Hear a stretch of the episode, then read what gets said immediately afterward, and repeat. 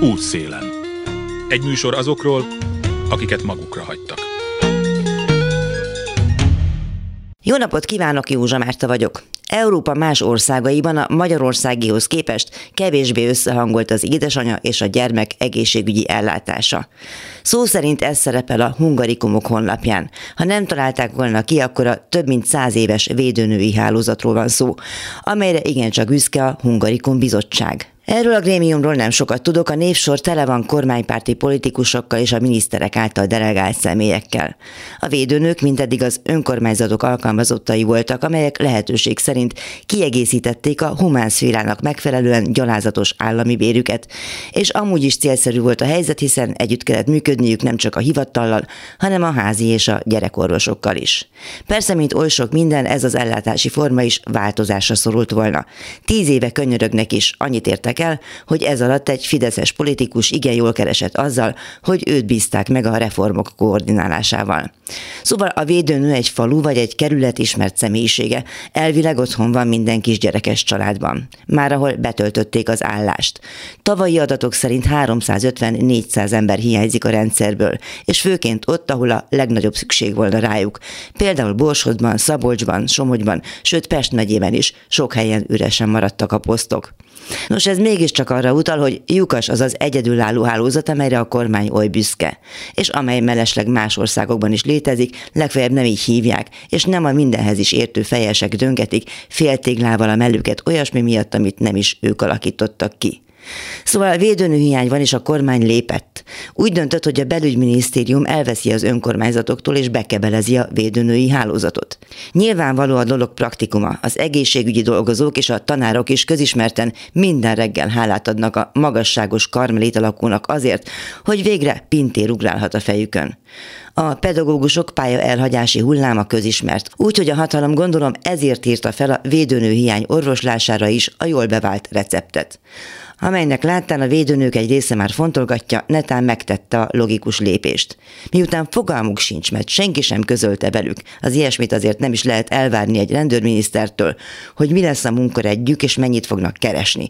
És amit eddig láttak, hát attól nem jött meg a kedvük ahhoz, hogy télen-nyáron talpaljanak potonpénzért. Így van, aki már felmondott, és sokan vannak, akik ezt fontolgatják.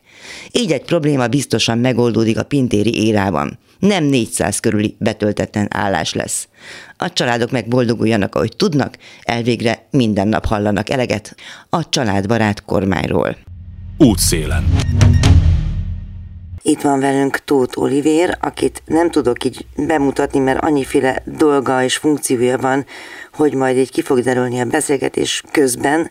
Ott kezdjük, hogy gratulálni kell egy államvizsgához. Miből államvizsgáztál és mikor? Tegnap előtt vizsgáztam. Egészségügyi szociális munkamester szakon végeztem a Debrecen Egyetemen. Így az egészségtudományok területén belül mélyítettem el a dolgaimat egy kicsit. Mihez volt erre szükséged? Nem volt elvárt szükség, igazság szerint az első diplomámat szociálpedagógusként szereztem meg, majd későbbiekben úgy gondoltam, hogy azért van bennem annyi szó, hogy ezt meg tudjam valósítani, hogy egy egyetemi végzettséggel rendelkező magánszemély legyek az életben. Szerettem volna több és több tudást szerezni. Aránylag egy biztosnak mondható tudással egy biztosabb pozícióban dolgozhassak. Mi az a munkahely, most hívlak? Hol dolgozom most éppen? Jelenleg a Borsodabó Zemplém egy gyermekvédelmi központban dolgozom, mint lakásotthonvezető, nevelő. Állami gondozottakat nevelünk, és elmondhatom, hogy jól érzem magam minden kihívástól függetlenül. Takta Szadán születtél, hogyha jól tudom, és Takta között otthonod. Ugye mit kell tudni erről a régióról? Hogyan néz ez ki neked, mennyiben otthonos, mennyiben szereted ezt a dolgot? Miskolcon születtem, az elmúlt 41 évem alatt nem igazán mondható el túl sok változás, mint hogy az előző 50 évet illeti a magyarországi cigányságot tekintve. Én abban a szempontból speciálisnak mondható vagyok, hogy egyetemi végzettséggel rendelkezem, mert igazság szerint nem sok ember tudott ideig eljutni. Taktaszedán nőttem föl, tehát így a takta köz egyik gyermeke vagyok magam is, és egy szobakonyhás házból származom, aminek nászfedele volt, tehát egy tapasztott és mázolt föld, az az íz a lelkembe, ami, ami az egész takta közhöz köt, illetve gyermekkoromhoz. Sokszor szoktam mondani, hogy a, a királyi rezidencia gyermekkorok éveinek, és nekem is, mert hogy minden szegénység ellenére talán a legszebb időszakom volt az életemben eddig, és Nagyon-nagyon szívesen emlékezek vissza minden egyes pillanatra, még ha fájó is, mert hogy elmúlt az az időszak. Nagyon-nagyon szegény körülmények között éltünk, tehát ugye mély szegénységben élőkhez tartoztunk. Az általános iskolai tanulmányi évek nem kezdődtek olyan könnyen, négyen voltunk fiúk. Nagyon korán beletanultunk a házi munkákba, tehát az állatokat ellátni, begyűjteni, főzni, mosni, takarítani. Aztán mentünk mezgerelni, fáért, meg egyebek, vagy még gyárban dolgoztak, tehát mi lettük el az otthoni dolgokat. Láttam is egy filmet rólad, amiben az édesanyád elmondta, hogy nagyon hát háziasan viselkedtél, és mindenféle munkát elvégeztél otthon, de még visszakapaszkodnék egy mondatodhoz, amit az imént ejtettél, vagy elmondtál. Azt mondtad, hogy nem sok változás történt ebben a régióban 50 év alatt.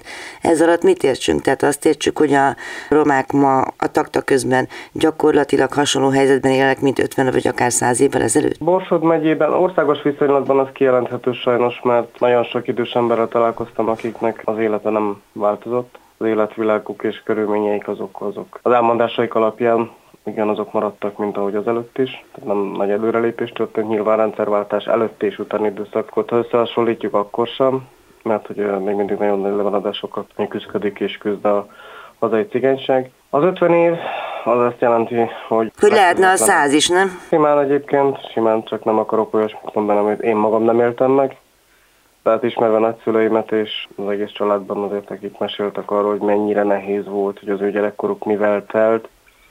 Két-három generáció, amit én megéltem és megtapasztaltam személyesen saját életemben, és hogy az a fajta társadalmi kivetettség, az a fajta megélhetési nehézség, a mindennapokért való túlélés, az életben maradásért való harc folyama, a személyes életviláguknak a, a társadalmi és környezeti tényezői, az, azok igazság szerint bármennyire szépen hangzó politikai és szociálpolitikai előrejelzések vagy programok voltak, nem igazán valósultak meg.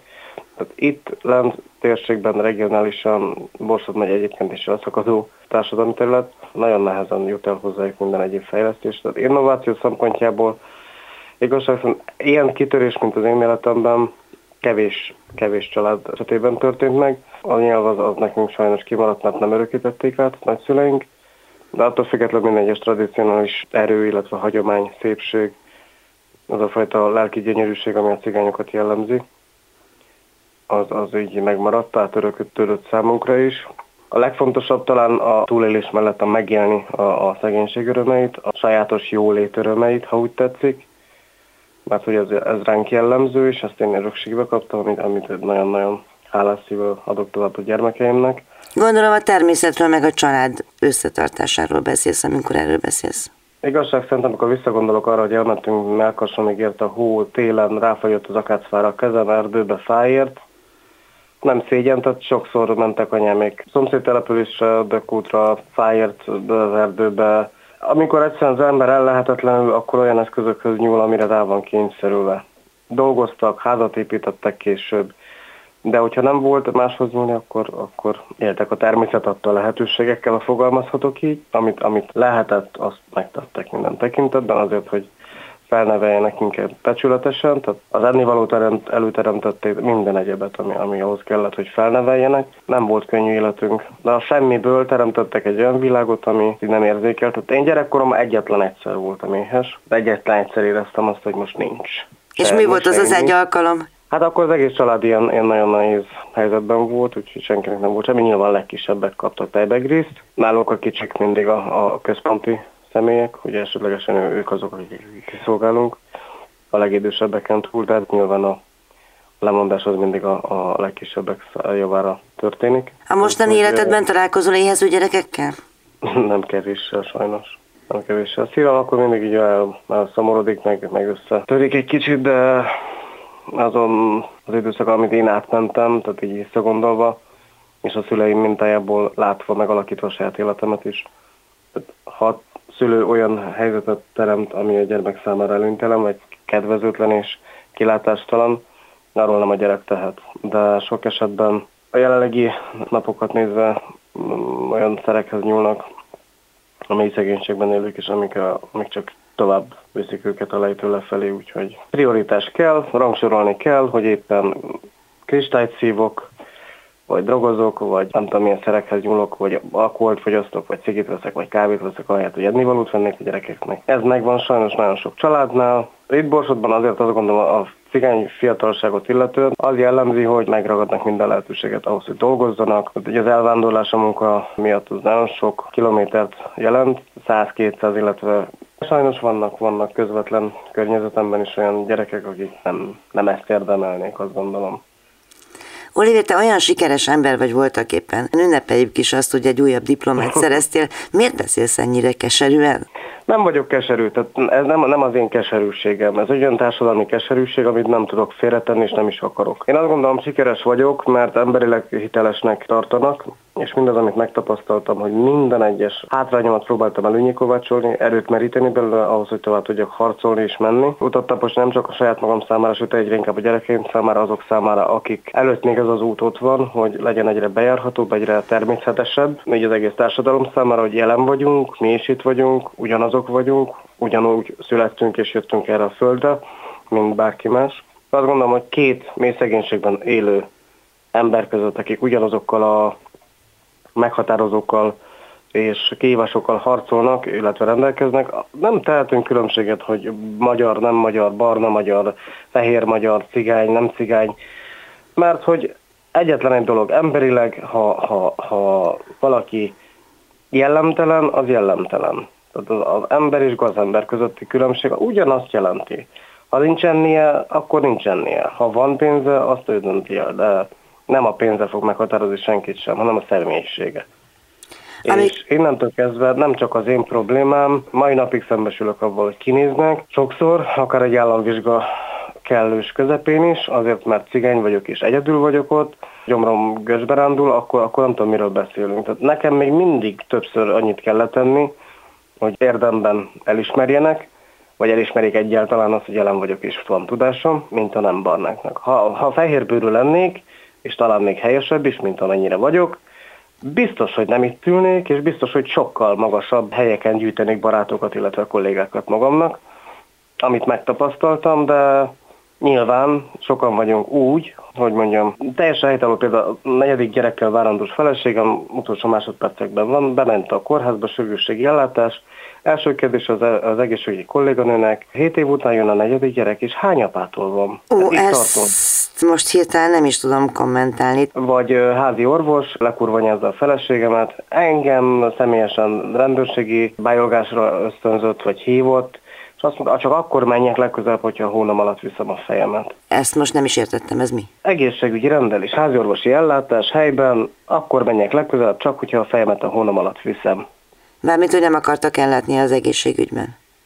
Hát amikor elmegyek egy kérdéssel, és azért, mert éppen Angliába jöttem haza, gyakorlatilag migránsnak tekintettek még a reptéren is, úgyhogy magyar útlevéllel rendelkezem, és megkérdezik, minek jött ide? Mondom, egy magyar állampolgár vagyok, kettő itt legik a családom, tehát innentől kezdve nem értem, miről beszélünk. És ötször el kellett mondanom, hogy haza jöttem. Nem, nem, nem értem, hogy hol tartunk, és milyen irányba megy el Magyarország, amíg a politika ilyen ráhatást gyakorol az, az átlag állampolgárokra, vagy a közszükséget ellátó személyekre. Nem tudom, hogy merre megyünk, és mi az az, amit nagyon boldogan elmondhatnék. Nagyon boldogan elmondhatom, lesz negyedik gyerekem, már négy gyönyörű gyerekem, van egy gyönyörű feleségem, 13 év együtt élünk áldott házasságba Jóstennek, és azt gondolom, hogy a legnagyobb boldogságom ez az életben. Az, hogy most két diplomával rendelkező szociális vagy egészségügyi szakember lettem. 33 éve tartó tanulási folyamat eredménye ez, és remélem, hogy a doktori címet is meg tudom majd szerezni. Ami a legfontosabb az, hogy, az, hogy volt hitem, megtaláltam az Istennel való kapcsolatom, békességemet, ami a legfontosabb dolog,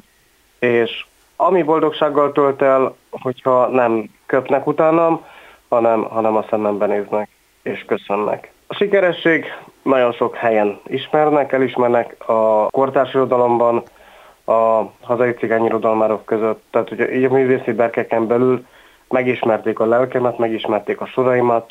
Igen, nagyon sokan szeretnek, és, és azokra az emberekre végtelenül büszke vagyok, akik, akik szeretnek, mert iszonyatosan szerethető emberek, emberek, nagybetűs emberek, lélekben és fizikumban is. Meghajlok bárki előtt, aki, aki, aki azt mondja, hogy teljes szívvel és lélekkel itt vagyok, és nyitottan állok eléd mindenféle feltétel nélkül, vagy stigma nélkül egyszerűen csak adja önmagát, ugyanúgy, mint ahogy én is. Nekem ez a fajta büszkeség, amire azt mondom, büszkeség, az nagyon jó érzéssel tölt el, ha valaki büszke rám. 27 éve írok verseket, igen, költő lettem, mert ez, ez, ez a lelkem, ez a minden nekem. 20 évesen jelent meg az első köteted a Fekete Tűzben. Igen, nagyon nagy élmény volt az is. Hát én egy cigány gyerek voltam szakmunkásként, aki az egyetemistákkal ott címbizett.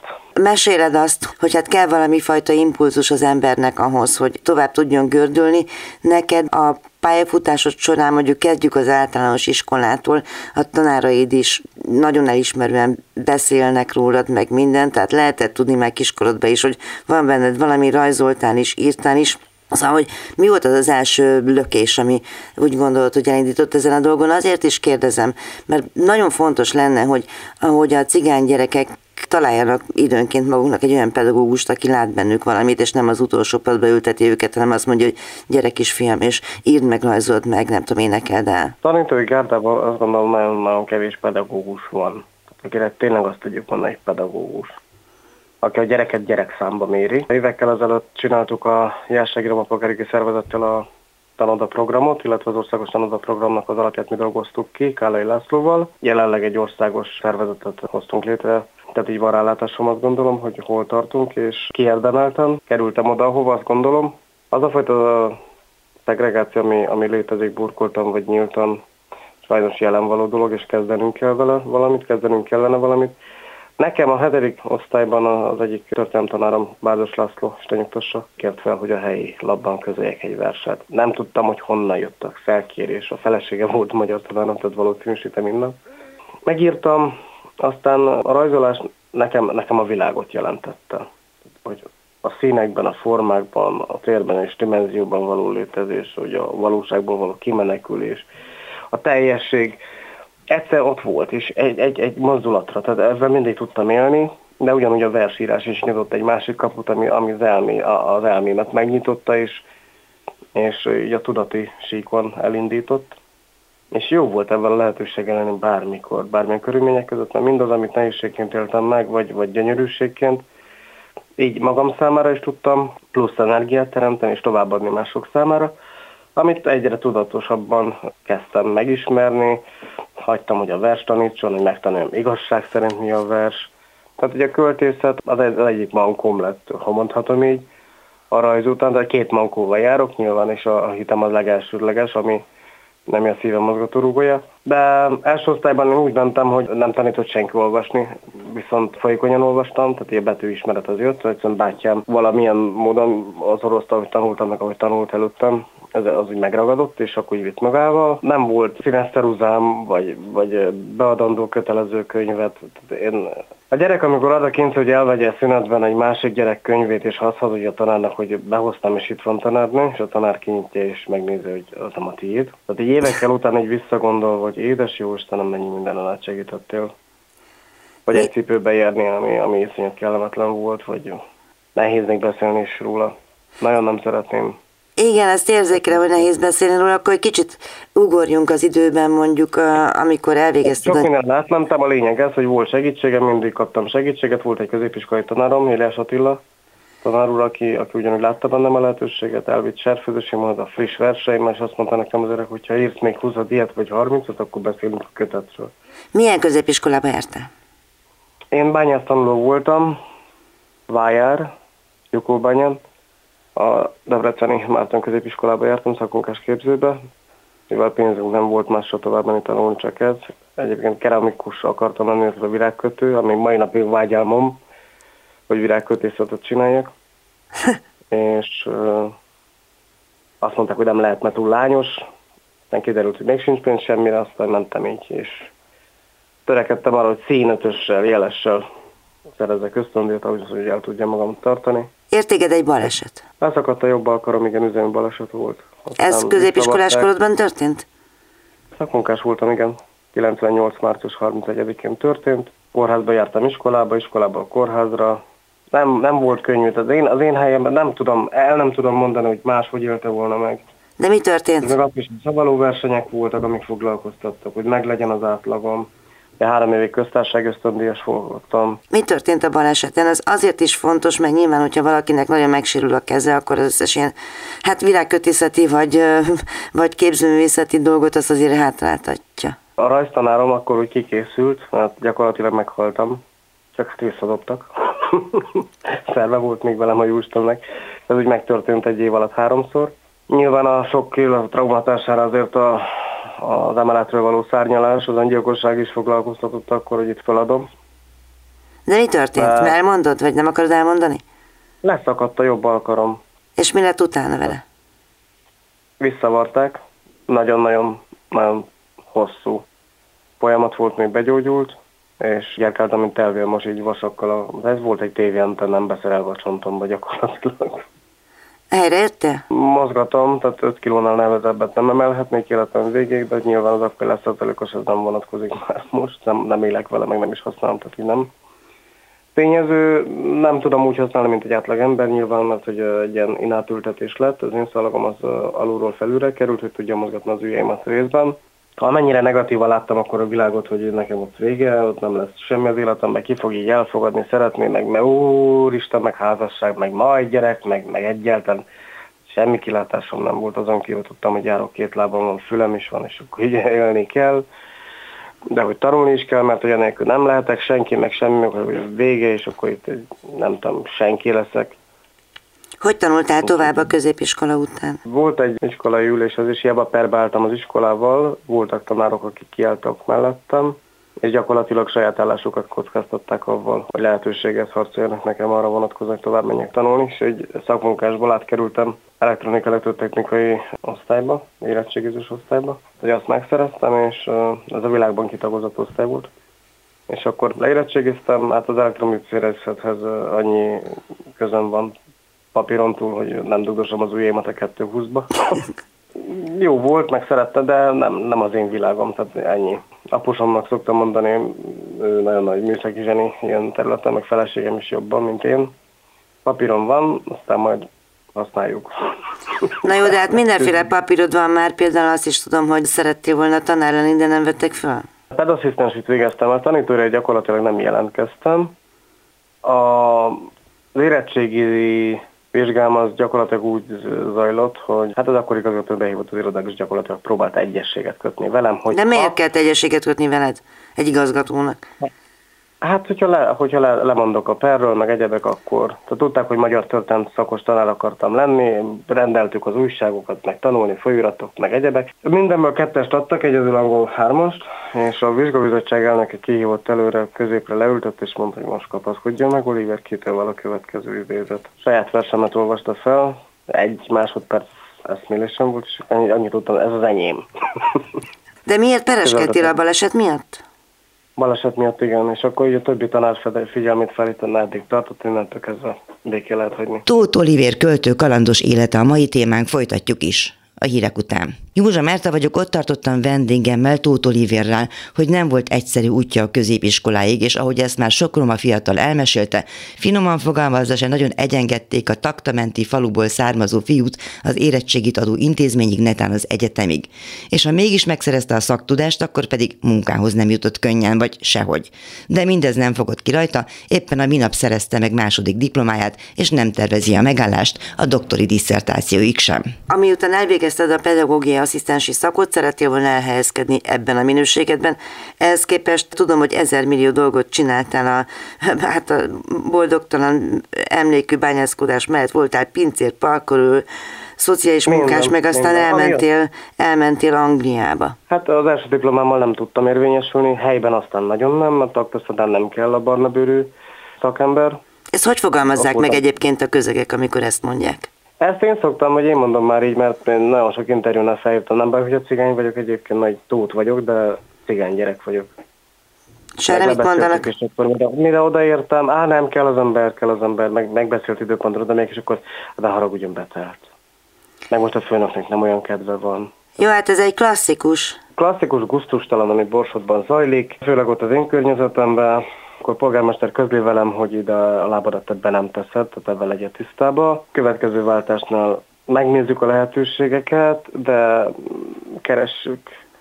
Eltelt több mint egy azóta is keresik. amikor ott van helyben egy friss és egy Pesten lévő szociális pedagógust ugyanúgy, de inkább, inkább Pestről hazahozzák a helyi születésű nem barna kislányt, nem bántom, mert nagyon szeretem, egyébként meg tisztelem, csak az elgondolkozható, hogy az én diplomám, vagy az ő, mivel külön? Meg tudod nekem számolni, hogy hány diplomád van most? Magyarországi gyakorlatilag főiskola és egyetemi végzettségű diplomám van, kettő. Az angliai képzéseket, amit csináltam, az MVQ 2-es, 3-as diplomát, az, az, az nem, tehát az, azt nem, nem számolom be.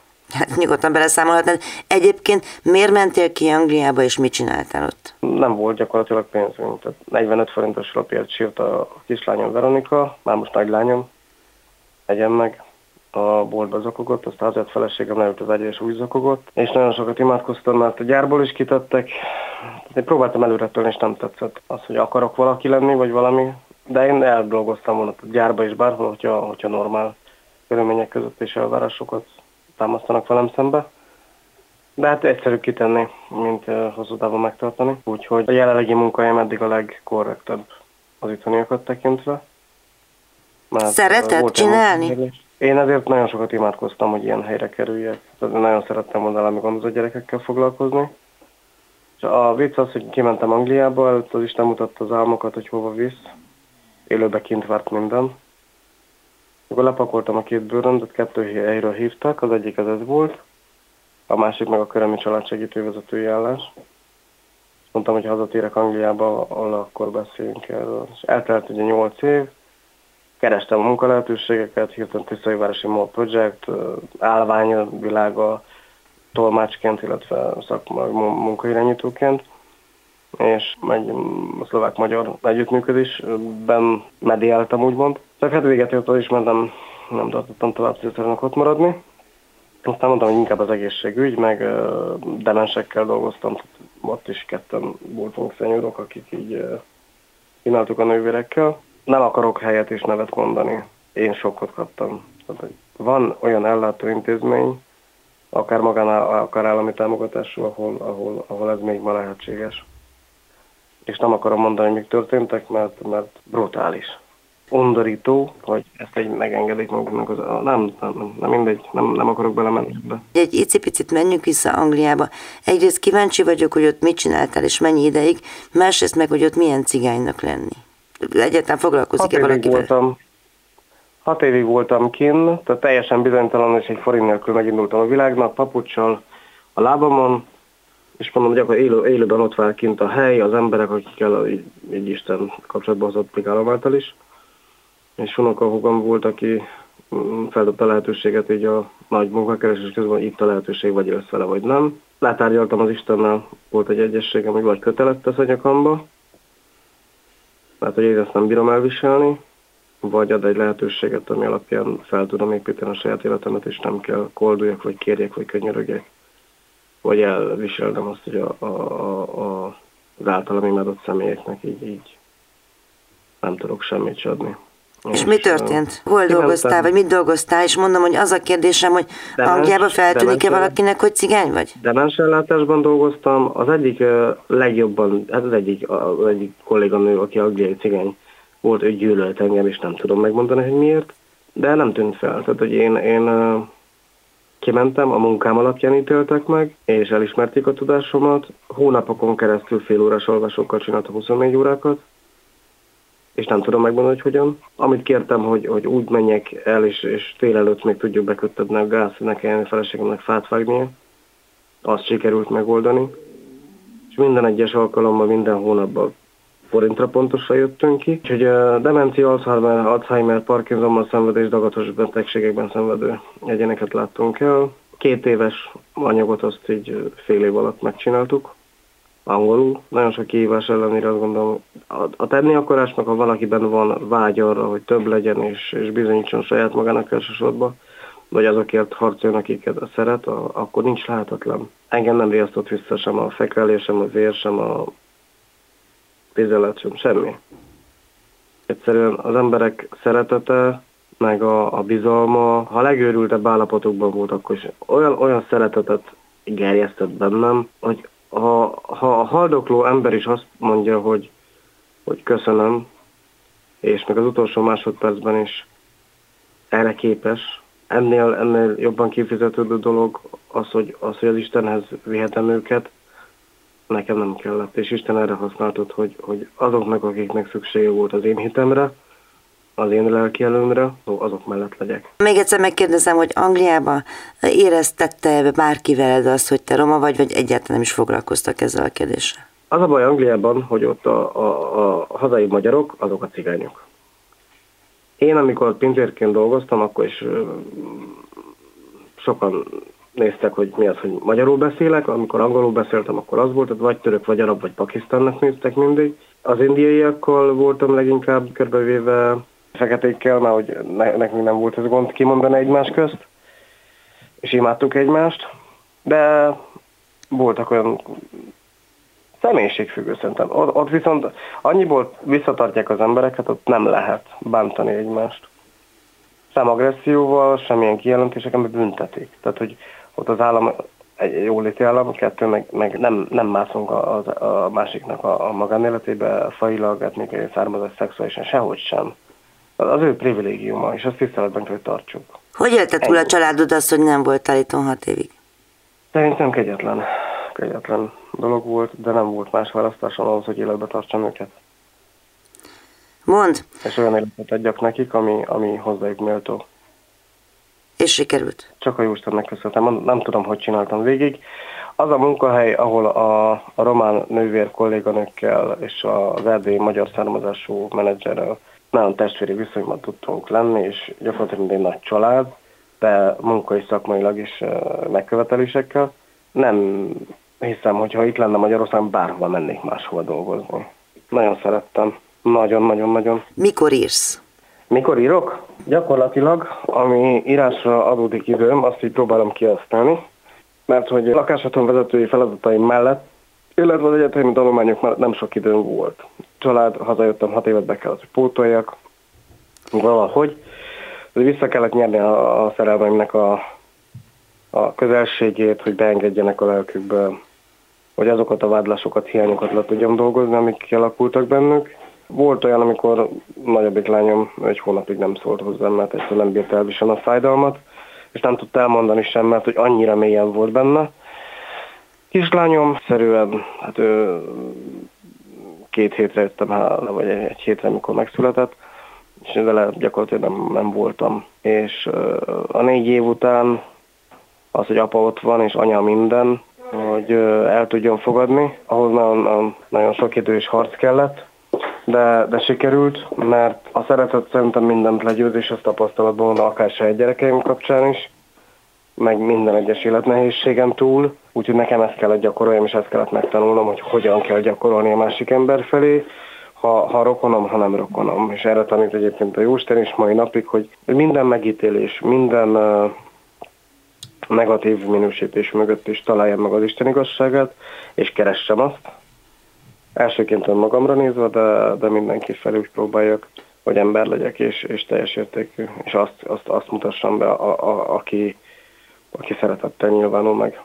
Na de az a kérdés, hogy mikor írsz, meg az is a kérdés, hogy azért a költészetedből is, ami hát nagyon szikár, és nem túlságosan vidám történet, tehát ami ugye a beszélgetésünk hangulatában is benne van az, hogy te egy csomó dologban keserűséget és igazságtalanságot érzel a világból, na de ettől függetlenül a költészet, a versírás és egyáltalán az irodalommal való foglalkozás, az még egy plusz nagyon nehéz munka hogy hogy tudsz erre időt, energiát, mondom, belső energiát találni? Minden, azt mondom, megragadok minden lehetőséget, amikor van lehetőségem írni, akkor írok. Tehát, hogyha ha fejben egyébként mindig dolgozok. Most így fellélegezhetek, az egyik lélek testvéremnek mondtam az Ibajának, Zitó Ibajának, hogy nagyon-nagyon sok szeretetemben van a Kunhegyesi Feritől kezdve mindenki. Aki azt hiszem illusztrálta is az egyik kötetedet, talán a bűvös kertet, ugye? Igen, igen, igen, hogy ahogy jönnek ki, meg ugye a szerkesztőknek külön, de hogy amikor van, tehát hogyha éjfélkor van öt percem, ha adódik, akkor leírom. Nem, most, most már több időm lesz talán. Most a jogosítványt csinálom, én 41 évesen, hülye fejemmel elhalasztottam az első lehetőhez, halasztottam. Aztán most egy pótlás van, hogy legyen, legyen autónk, meg, meg egyáltalán mobilabbak legyünk, mint ahogy azt adtam magamnak. Közben gondolkozok arról, hogyan tovább, meg merre, meg egyáltalán így a család, tehát minden, minden irányba.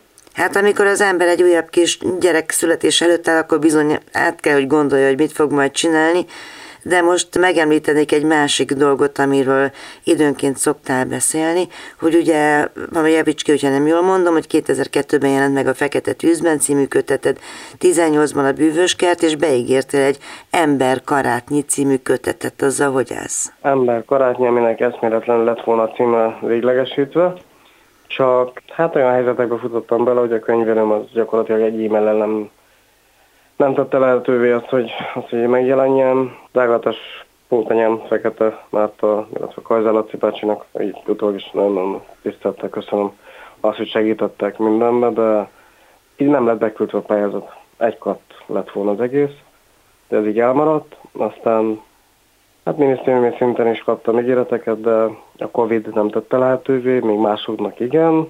Aztán most, most Kurasenko Dániel pásztor jó voltából meg fog jelenni nem sokára, 200 példányban, ezt így tegnap közölte velem a kötet, illetve a negyedik és ötödik kötet anyaga is megvan.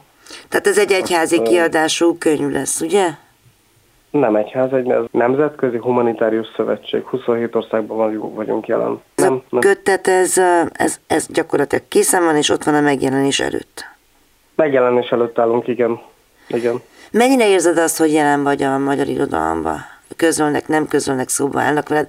Azt látom, hogy mit tudom én, rengeteg közös ismerősünk van az irodalmi életben, tehát azért ismert ember vagy te. Az irodalmi jelentők ezzel nagyon sok ismernek, meg ha nem is közölnek, de azért tudnak rólam. Egyébként én is a verseiden keresztül találtalak meg első körben. Vagy ha próbálkozunk egy évig összehozni egy interjút, és egyebek, és kapok rá egy életet, és nézem a havi megjelenést, és nem vagyok benne, ott azért elég keserű szájízzel mondtam, akkor ne erőltessük tovább, nem látom értelmét. Mert azért az egészen megalázó. Oliver, ezt tudod, hogy az egész irodalmi élet borzasztó nagyon nagy bajban van.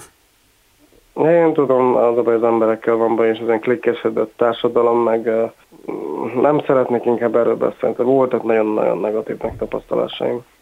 Jó, akkor egy másik kérdés, és már lassan a végéhez De érünk. elismernek egyébként, tehát elismerik azt a tudást, mind a két oldalon, vagy, vagy tehetséget inkább azt mondom, inkább tehetségnek mondanám.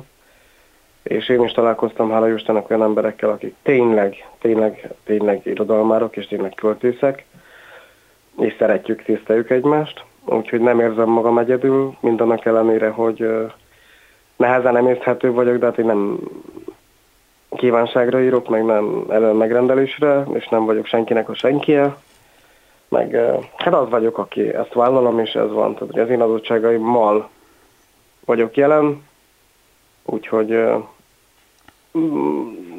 már most nem erőltetem én se azt, hogy ide-oda-amoda. Vannak restanciáim, azokat be fogom pótolni, tehát ígérem, ígérem, hogy bepótolom. Csak én, én már nem, nem, nem vagyok azon, hogy jelenjek meg, meg eh, fizessek azért, hogy antológiába legyek, meg, meg ide-oda, nem, nem. Aki rám akar keresni, ott a Facebookon teszem ott a saját küld oldalam, megtalálja, elvette, érezze magát jól, szeresse, megismerje meg, aztán egy ennyi. Mi a véleményed arról, azt hiszem, hogy Lakatos Menyhét mondta, hogy ő nem cigányíró, hanem író cigány? Teljesen egyet értek vele, mert hogy nem, nem a származásom határozza meg azt a, azt a magyar nyelvű költészeti közlésformát, meg lelkületet, amit én is csinálok. Nem. Tehát számítson az alkotás. Az alkotás megállja a helyét, akkor persze mondta, hogy ó, egy cigány ember csinálta. És? Tehát nem az anyanyelvemen írok, amit egyébként nem is ismerek. Mert, hogy, hát akkor nem az anyanyelved egyébként, csak hogy zárójelbe jegyzem meg, tehát hogyha az anyanyelv az, amit az ember az édesanyjától tanult, tehát akkor neked a magyar nyelv az anyanyelved.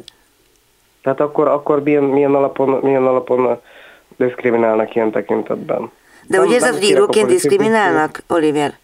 Tehát, hogy mint író... Nézd, amikor egy, egy irodalom alkotó ösztöndíjon azért mert, vagy nem vagyok hajlandó a cigány témával foglalkozó, meg se volt említve, és ez pontosan a, az egyik nagy-nagy szövetség. Vannak, vannak azért gondok itt a fejekben, de hát nem könnyű elfogadni azt, hogy nem tudom, tehát én már nem bántom magamat az idióták miatt, Na, hogy azon már túl vagyok én is, és nem idiótának szoktam magam, hanem kellőképpen őrült vagyok ahhoz, hogy ezeket merjem kimondani. Van baj a fejekkel nagyon-nagyon-nagyon sok helyen. Amíg nem kíváncsiak arra, hogy a másikében mi van és miért van az úgy, és nem akarnak ebben találkozni és szembesülni, addig nincs mire beszél. Tehát nem, nem kezdek el ott hídat építeni, ahol, ahol, ahol tudomásuk szerint nincs árok, vagy egyetem bármi, amiért ott kellene, hogy legyek. Akinek kellek, itt vagyok, akinek kellek, az jelez, az megtalál, én is ugyanígy működöm, de nem vagyok hajlandó magamat ráerőltetni senkire. Nyilván voltak próbálkozásaim, de, de nem kell. Nagyon sok helyen megjelentem, miért nagyon hálás vagyok korom ellenére. Majd egyszer eljön az az idő is, amikor remélhetőleg kapok egy József Attila díjat, vagy nem tudom. És csak azt mondom, hogy igen, megérte, nagyon megérte, mert hogy a szerelmes elköteleződésem így, így megtérül, de egyre inkább az van bennem, hogy sokkal jobban eső dolog az, amikor az, amikor egy nem szakmai díj, vagy bármi jön, mert hogy az emberség talán.